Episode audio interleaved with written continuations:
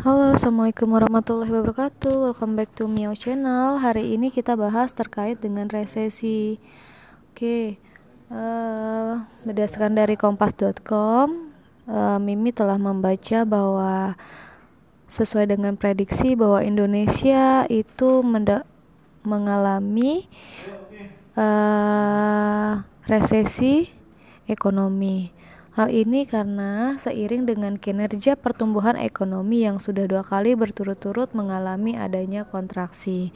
Pada kuartal 3 2020, ekonomi Indonesia itu minus 3,49 persen yang melanjutkan laju ekonomi di kuartal 2 yaitu 2020 yang tercatat minus 5,32 persen.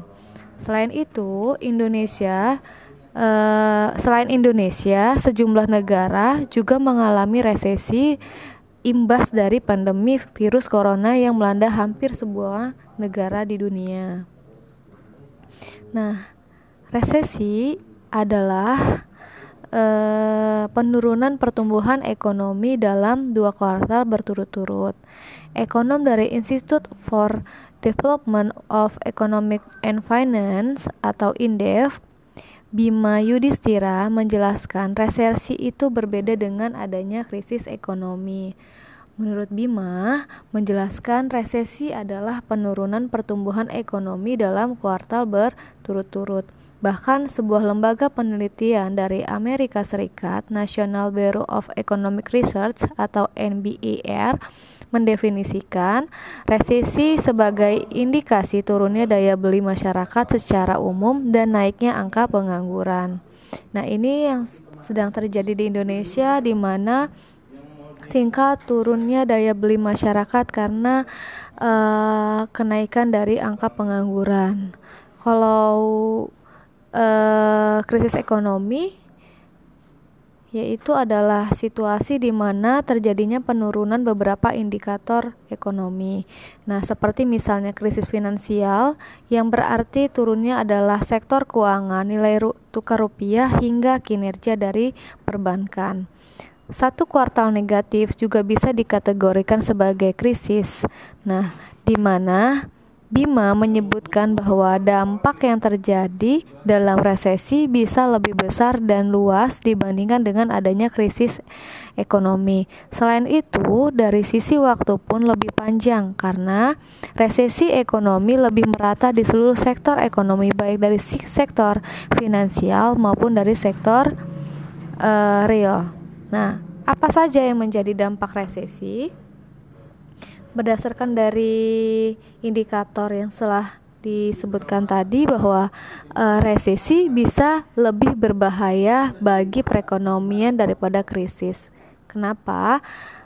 E, karena proses pemulihan resesi yang diperlukan pun relatif lebih sulit karena krisis ini biasanya adalah parsial kalau tahun 2008 lalu memang ada gagal bayar Bank Senturi, tapi saat itu UMKM masih cukup menopang ekonomi. Buktinya, pertumbuhan ekonomi 2008 masih 6,1 persen. Nah, dibandingkan saat ini, resesi ekonomi membuat sebagian UMKM terpukul lebih merata, lebih berbahaya resesi karena gini teman-teman banyak banget UMKM yang sekarang itu mengalami penurunan bahkan bangkrut tidak membuka uh, usahanya dikarenakan pandemi ini. Karena tidak ada konsumen yang ingin uh, membeli barang ataupun jasanya sehingga sangat mempengaruhi modal yang keluar dan uh, dosen yang uh, modal yang keluar sedangkan pemasukan yang di dalam uh, uh, usaha tersebut tidak ada. Jadi lebih besar pasak daripada tiang guys gitu. Nah selain itu krisis dan resesi ekonomi ada satu lagi konsep yang menurut uh, kompas.com yaitu harus dipahami yakni depresi. Nah, jangan sampai Indonesia mengalami depresi seperti Malaysia sudah mengalami depresi. Nah, depresi ekonomi itu tingkatannya bisa ada di atas resesi ekonomi. Nah, depresi ekonomi adalah resesi yang berlangsung satu tahun atau lebih dari misalnya tahun 1929 sampai 1934. Nah, ini terjadi depresi ekonomi karena resesinya panjang. Nah, jadi uh, fase awal masalah perekonomian bisa dimulai dari munculnya krisis, lalu berlanjut pada resesi, dan jika tidak berkunjung terasasi, maka bisa terjadi depresi. Nah, penyebab resesi yang pertama adalah guncangan ekonomi yang secara tiba-tiba. Nah, terjadinya pandemi virus corona COVID-19 yang memukul sektor ekonomi di seluruh dunia adalah contoh yang lebih baru dari goncangan ekonomi yang tiba-tiba. Lalu apalagi yaitu utang yang berlebihan. Saat individu atau dunia usaha mengalami terlalu banyak utang, mereka bisa terjebak dengan gagalnya bayar hutang. Karena apa? Terjadinya gagal bayar inilah yang membuat kebangkrutan dan membalikan adanya perekonomian. Nah, yang ketiga adalah gelembung aset di mana investasi berlebihan di pasar saham atau real estate diibaratkan sebagai gelembung yang bisa membesar. Nah, ketika gelembung meletus terjadi penjualan dadakan yang dapat menghancurkan pasar dan menyebabkan adanya resesi. Lalu yang keempat adanya terlalu banyak inflasi di mana inflasi adalah tren harga yang stabil dari naik seiringnya waktu. Inflasi bukan hal yang buruk, tetapi inflasi yang berlebihan adalah fenomena yang sangat berbahaya. Bank sentral mengendalikan inflasi dengan menaikkan adanya suku bunga, dan suku bunga lebih tinggi menekankan adanya kegiatan ekonomi. Lalu, yang kelima adalah terlalu banyak deflasi. Deflasi adalah kegiatan harga turun dari waktu ke waktu yang menyebabkan upah berkontraksi yang berkelanjutan menekan harga ketika siklus deflasi tidak terkendali orang-orang dan bisnis berhenti belanja dan akibatnya mendorong merongrong adanya perekonomian contohnya pada tahun 1990-an Jepang harus berjuang melawan deflasi yang membuatnya terburuk dalam resesi Bayangkan, Jepang aja bisa mengalami itu. Bagaimana dengan Indonesia, guys? Nah, Indonesia bersiap alami resesi ekonomi. Ini dampaknya bagi masyarakat seperti apa ya? Kan harusnya seperti itu kan.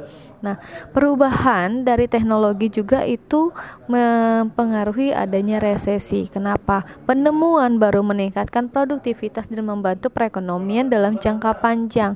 Tetapi mungkin karena ada periode jangka pendek penyesuaian terhadap terobosan teknologi pada abad 19, revolusi industri membuat seluruh profesi tergusur teknologi, memicu resesi dan masalah-masalah sulit. Nah, pada kondisi saat ini, beberapa ekonom khawatir bahwa robot dapat menyebabkan adanya resesi dan menghilangkan adanya seluruh kategori pekerjaan. Nah, ini yang mengkhawatirkan bahwa resesi, bahwa resesi juga bisa mempengaruhi dengan adanya teknologi. Oke okay guys, hmm, Indonesia mengalami resesi ekonomi dan dampaknya bagi masyarakat itu seperti apa ya? Coba kita uh, telah lagi. Kalau berdasarkan dari Menteri Keuangan Sri Mulyani Indarwati merevisi proyeksi merevisi proyeksi pertumbuhan ekonomi pada kuartal ketiga 2020, ia mengatakan bahwa pada kuartal 3 perekonomian Indonesia kemungkinan akan mengalami kontraksi minus 2,9 persen hingga minus 1,1 persen. Nah, sebelum pada kuartal 2, pertumbuhan ekonomi Indonesia mengalami minus 5,32. Secara keseluruhan, pertumbuhan ekonomi akhir tahun diperkirakan berada pada kisaran minus 1,7 persen hingga minus 0,7 6%. Nah, menurut Sri Mulyani, pertumbuhan ekonomi kuartal 3 dan 4 juga akan negatif dengan kondisi ini tidak menutup untuk terjadinya resesi di Indonesia. Perlu diketahui bahwa resesi ekonomi merupakan kondisi ketika terjadinya penurunan secara signifikan dalam kegiatan ekonomi yang berlangsung selama berbulan-bulan dan bahkan bertahun-tahun.